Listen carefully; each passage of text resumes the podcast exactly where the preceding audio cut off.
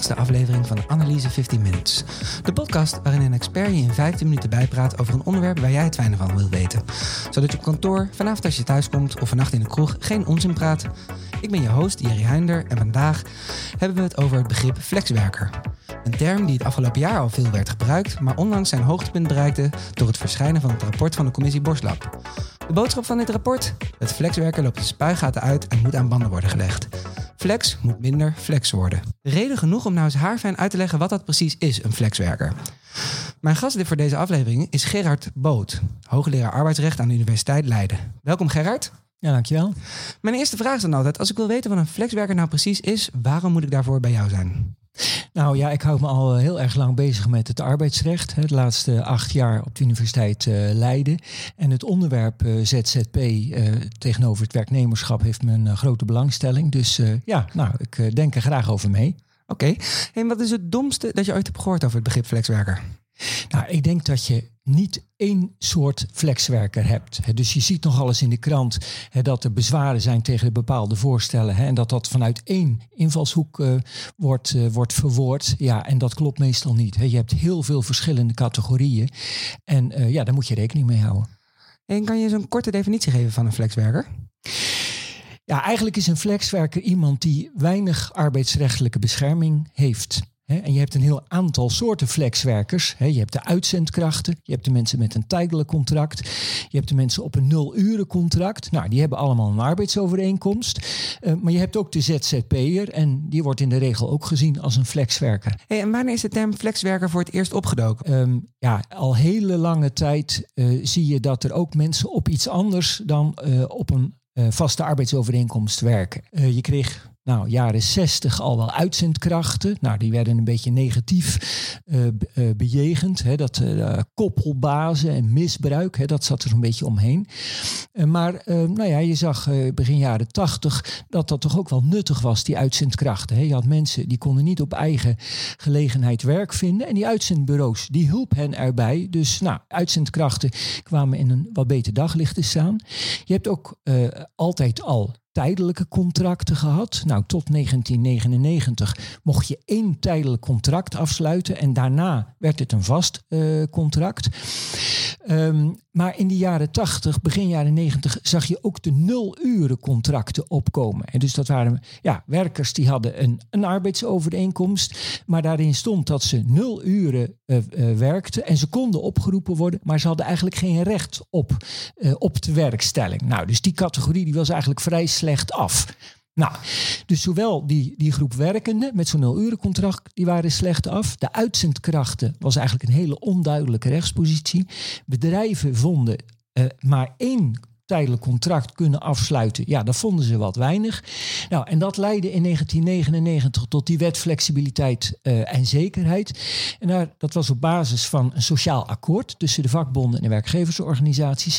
Ja, en er werd een soort compromis gesloten. De uitzendkrachten die kregen een beetje rechtszekerheid. Nul contracten werden iets aan banden gelegd. Maar als ruil werd het mogelijk om drie tijdelijke contracten te kunnen afsluiten met een maximumduur van drie jaar. Nou goed, en dat was een soort soort van evenwicht wat toen werd bereikt. Oké, en toen werd flex eigenlijk dus nog flexer. Nou ja, wat je kon zien is dat flex werd daarmee een beetje normaal. He, daarvoor, ja, maar één tijdelijk contract en daarna moest het vast. En ja, toen er drie tijdelijke contracten kon, zag je dat bedrijven, ja, die begonnen dat als een soort uh, uitgangspunt te zien. Dus daarmee werd, uh, ja, de deur die werd wel vrij opengezet. Dat klopt. Nou, een andere belangrijke ontwikkeling, die, die begon eigenlijk ook begin jaren negentig. Dat was de opkomst van, uh, van ZZP. Je hebt natuurlijk altijd al zelfstandigen gehad, hè, de artsen en de advocaten en de petroleumventers in de jaren 30. Je hebt altijd zelfstandigen gehad, maar wat je zo jaren 80, jaren 90 zag opkomen, dat uh, mensen die uh, werk deden wat ja, normaal gesproken op basis van een arbeidsovereenkomst gebeurde, dat ze zeiden, ja, dat willen we wel als zelfstandigen gaan doen. Nou, bedrijf, ja, uh, waarschijnlijk omdat ze er meer mee konden verdienen. Uh, en misschien ook wel omdat ze dachten dat ze daar meer, uh, meer vrijheid uh, mee hadden.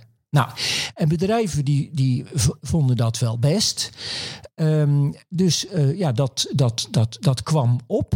Um, maar op dat moment zei de Belastingdienst en ook het toenmalige GAK, hè, het nu nu UWV.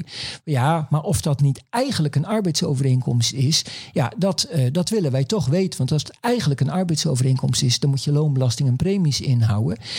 Nou, en uh, ja, dat was een onzekerheid voor bedrijven. Van ja, is dit nou een arbeidsovereenkomst of niet? Nou, die onzekerheid die duurde hele lange tijd. Um, en zo begin van het millennium uh, ja, werden er allerlei convenanten afgesloten over hoe, om daar duidelijkheid over te krijgen. Nou, dat gaf onvoldoende zekerheid. Nou ja, en daarmee kreeg in 2005 dat systeem van die VAR-verklaringen. Wat is dat precies? Dat is de afkorting van verklaring arbeidsrelatie. En dan WUO staat voor winst uit onderneming. Nou, het was heel makkelijk om zo'n VAR-WUO te krijgen. Dan moest je een paar uh, vragen op de site van de Belastingdienst invullen. En als je dan die VAR-WUO had, uh, dan had de uh, bedrijf die jou te werk stellen 100% zekerheid dat ze geen belasting en premies hoefden af te dragen. Oké. Okay. Nou, en dat, dat nam zo'n enorme vlucht dat ja, daarmee werd de deur eigenlijk wagenwijd opengezet naar ZZP. Nou, en um, dat, dat, ja, dat werd echt een probleem. Hè. Zowel de vakbonden vonden het een probleem, want die zeiden ja, uh, een half miljoen uh, dat is veel te veel, dat is schijnzelfstandigheid. Uh, werkgevers vonden het een probleem. Het VNO-NCW die zei ja, dit is oneerlijke concurrentie. De Belastingdienst vond het een probleem, want die zei ja, we lopen belasting en premies mist. Eigenlijk iedereen vond het een probleem, ja, op, op een aantal van die ZZP'ers na dan. Nou, en dat leidde in 2012 al tot een wetsvoorstel uh, beschikking geen loonheffing met een soort module. Zou je dan kunnen uh, uitvogelen of je eigenlijk een zelfstandige was of niet? Nou, dat was te ingewikkeld. En daarvoor in de plek kwam toen het systeem met de modelovereenkomsten. Nou, dat is dan nu de wet DBA geworden. Um, ja, dat werkt ook niet uh, uh, echt goed. En wat moet je met zo'n modelovereenkomst doen? Ja, nou ja, die modelovereenkomst, uh, dat leek heel simpel. Als je een door de Belastingdienst op voorhand goedgekeurde uh, overeenkomst gebruikte, um, dan wist je als, als inlener zeker dat je geen belasting of premies hoefde in te houden. Alleen ja, het was zo simpel. Um, uh, en bovendien, bedrijven die wilden vaak graag hun eigen contracten door de Belastingdienst laten toetsen. Nou ja, dus er kwamen uh, tienduizenden verzoeken bij de Belastingdienst van wil je naar ons contract kijken. Dat kon de Belastingdienst eigenlijk niet aan. En bovendien zei de Belastingdienst, ja, we moeten dat, hè, volgens de uh, hoogste rechter, moeten we dat uh, achteraf toetsen. Dus hoe, hoe kunnen wij nou vooraf die toestemming geven? Dus het zat een beetje in een spagaat op dat moment. En hoe is de situatie nu? Nou, uh, ja, die DBA, dat werkte niet goed. Toen kregen we het regeerakkoord uh, een jaar of uh, tweeënhalf geleden. En daarin werd er een driedeling gemaakt in de ZZP'ers. De laagbetaalde, de hoogbetaalde en de middengroep. De laagbetaalde, die zouden vast een arbeidsovereenkomst moeten krijgen. De hoogbetaalde meer vrijheid. En de middengroep een webmodule. Nou, die plannen die zijn al aangepast. Uh, het is niet meer een vaste arbeidsovereenkomst voor de laagbetaalde, maar een minimumtarief van 16 euro per uur, exclusief uh, flexibele kosten. Nou, daar is een concept wetsvoorstel uh, in, op internetcirculatie. De hoogbetaalde, ja, die zou nog steeds die, die, die vrijheid krijgen. Ja, en die middengroep, daar is die webmodule voor in ontwikkeling. Oké, en je hebt het over hoogbetaalde. wat is hoogbetaald? Hoogbetaalde zou zijn uh, 75 euro uh, per uur, ex-BTW en ex de flexibele uh, kosten. En dan met de maximumduur van één jaar. He, dan zou je die vrijheid hebben.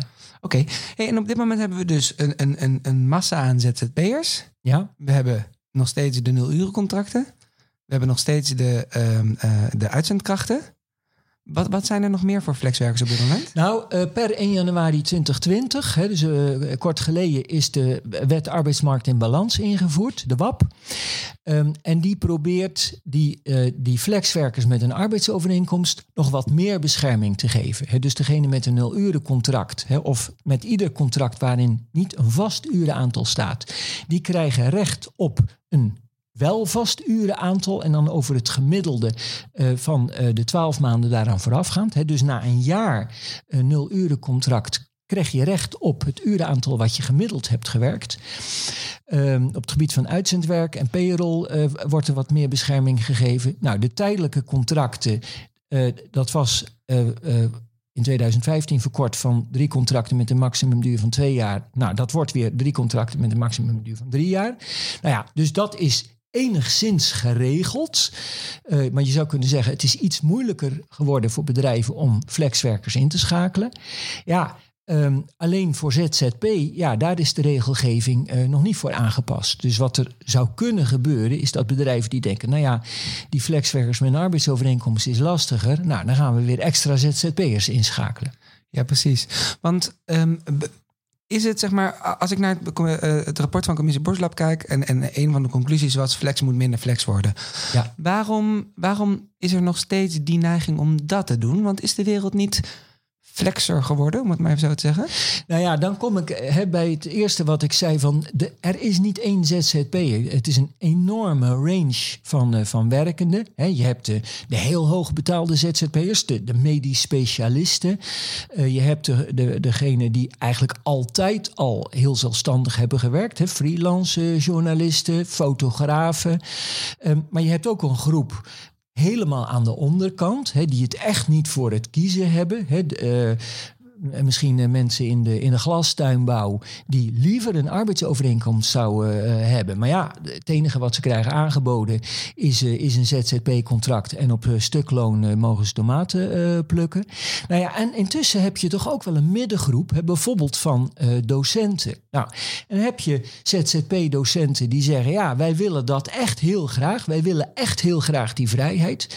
Maar ja, je hebt ook ZZP-docenten die zulke ja, reguliere werkzaamheden verrichten in, in zo'n grote omvang, dat je zegt, ja, het is eigenlijk precies hetzelfde als de, als de docenten op arbeidsovereenkomst. Ja, en die ZZP-docenten worden toch echt veel slechter betaald. Dus uh, ja, dat is een ondermijning van hun rechtspositie. Ja, en, en daardoor, daarom dus eigenlijk vanuit de regering een wens om, om die positie te beschermen. Ja, en het lastige is, kijk, er is een definitie van de arbeidsovereenkomst. Hè, dus de overeenkomst hè, waarbij je uh, uh, arbeid verricht in een gezagsverhouding tegen betaling. Nou, wat arbeid is, is, is vrij duidelijk. Wat beloning is, is ook vrij duidelijk. Maar wat is nou een gezagsverhouding? Ja, vroeger was dat misschien hè, van ja, je staat onder gezag van de werkgever en je moet doen wat hij doet, wat hij zegt. Maar tegenwoordig ja, is het opleidingsniveau van de meeste mensen veel hoger. Veel mensen werken veel zelfstandiger.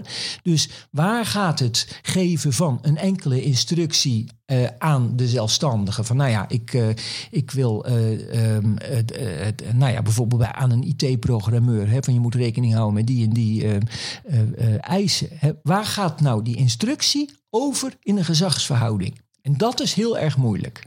Dat lijkt misschien onmogelijk. Nou ja, um, je kan zeggen, er zijn eigenlijk twee aspecten aan die gezagsverhouding. De echte uh, uh, opdrachten van je, je moet dit doen of je moet dat doen. Nou, dat is heel erg moeilijk. Dat is de materiële gezagsrelatie. Maar je hebt ook de formele gezagsrelatie.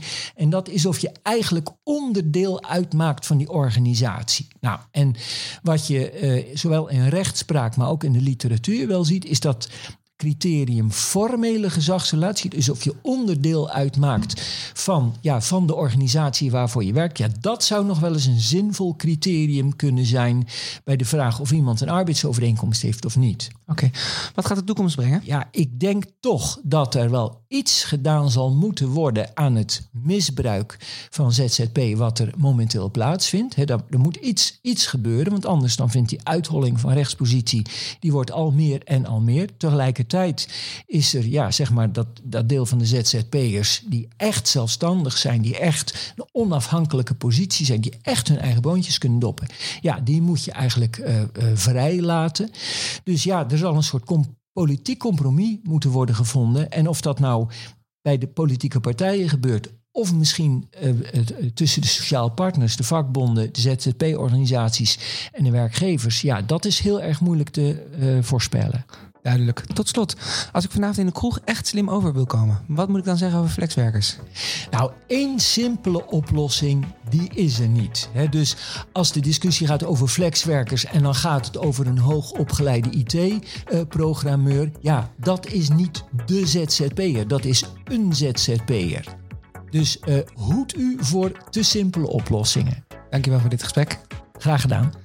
Dit was de 22e aflevering van Analyse 15 Minutes. Bedankt voor het luisteren en mocht je een andere aflevering willen horen, ga dan naar iTunes, Spotify of Soundcloud. Je kan je daar ook abonneren op de podcast. Volgende week vrijdag is er weer een nieuwe aflevering. Tot dan!